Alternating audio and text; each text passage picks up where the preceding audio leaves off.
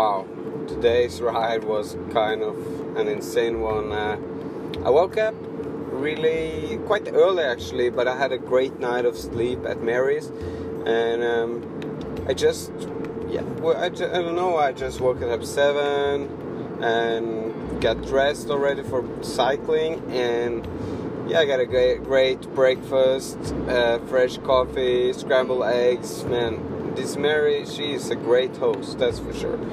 Um, and we discussed about the possibility to go to Mexico for a ride, and she said it shouldn't be too bad actually to go over there. It should be pretty easy to pass the border. border so I thought this is a great opportunity to you know get over there, see what how the border is like, and see you know the differences um, from the two areas, uh, the two countries. So I I did. I started my ride, rode to a place called Tornillo, which is just out of El Paso, and there is a border passing, and uh, I went to the passing and followed the sign and without any question, without even showing my passport, suddenly I was in Mexico. Uh, quite, uh, yeah, a little bit uh, surprised actually when I saw it.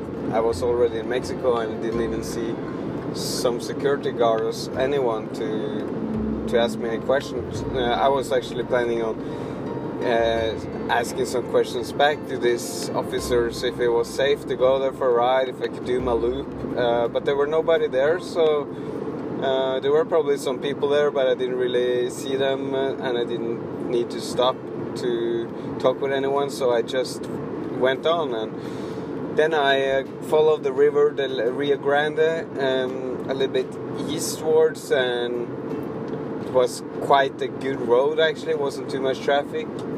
Um, came to some smaller towns. They were really I mean, the houses, the buildings, they were kind of destroyed. It looked like kind of a ghost town, but uh, sometimes I saw people, so for sure it was some people living there, but it was not very rich. You could see quite a lot of contrast to um, the US on the other side of the river, so uh, it was quite interesting. Uh, I didn't really uh, have any issues, but uh, eventually there was quite some aggressive dogs chasing me and people that know me well, they know I'm not the biggest fan of dogs, especially not if they're chasing me. You know, I, I, I don't really like it. Um, so I, uh, I tried to what is it called? Uh, I don't know, like throw water at them. Um, didn't really help. So I just had to, you know, push the pedal to the metal and get a, you know, get. Get on the other side. So it just it was kind of um, sometimes a few uh, efforts there to get away from the dogs, and it was happened like four or five times. Uh, especially at the last part, and uh, I don't. Uh, when I came back to the um, the border of Fort Hancock area, um, I kind of understood why it was more dogs there. You know, the the, the guard there, um, he just asked me, you know, what are you doing here? Why are you passing uh, the border? Did you ride yourself? And he was quite skeptical. He said, "You shouldn't have been there. You shouldn't have been riding there. You know, it's quite uh, it's quite dangerous. This is an area where the cartel is ruling, so um, you shouldn't have been riding there yourself." And um, that's probably why all these aggressive dogs were down chasing me in this um, out of this house. It's quite an uh, area where you know people are more protective and I think the cartel might be ruling the areas probably not all people are there involved but it's not the safest place to go on a bike for sure uh, especially not quite an expensive bike. So um, I'm very happy when I came back to the border and uh, I could eventually after a few questions, a few background check and a passport check, I could actually get it back into the US.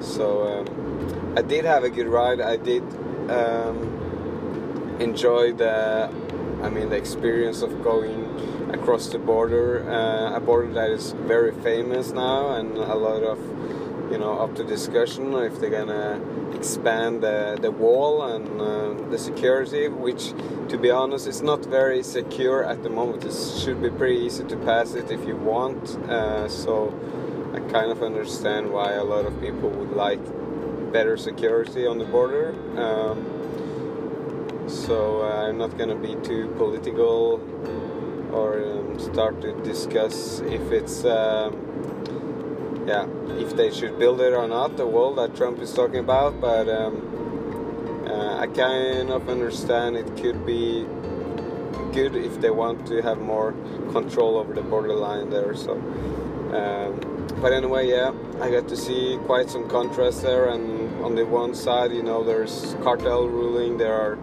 um, a lot of cases of modern slavery for sure. Uh, drug industry is huge, so that's kind of why it's so dangerous to go there. And uh, I'm, uh, I'm very happy now after I heard uh, what the officials said. Um, yeah, I'm very happy I, I made it through without any problems, except this dog chasing me.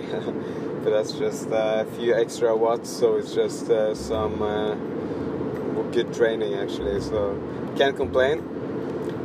Um, yeah, and now I am uh, heading back to Dallas. I will probably reach my house in McKinney about midnight, so uh, it still is quite a long drive. Um, but I'll, for sure, I'll um, I'll manage it. A few stop, a little bit coffee, and it should be good. It's been quite an amazing journey, and I will sum it up tomorrow. But um, yeah, it was a pretty intense end to this ride, this journey actually uh, actually to see you know kind of what I'm working and what I want to raise awareness on the modern slavery and kind of see that you know firsthand. You know I didn't really see people uh, there but I kind of understand that when you get contrast like like from the US and just a few kilometers on the other side into the uh, into Mexico and you see these huge differences, you know there's going to be a lot of people want to get past on the other side, search for opportunities, and easily get exploited by traffickers. So um, it's kind of a massive uh, end to it, and and also uh, after meeting Mary and our um, our interview from yesterday, you should check it up if you haven't heard it yet. Um, when she actually explained a little bit about the border and uh, it was quite an interesting end to this hope journey. So thank you for following. I'll um, you hear more from me from, with a yeah. I need to do a small recap, so you will hear more from me. But yeah. Anyway, have a great day.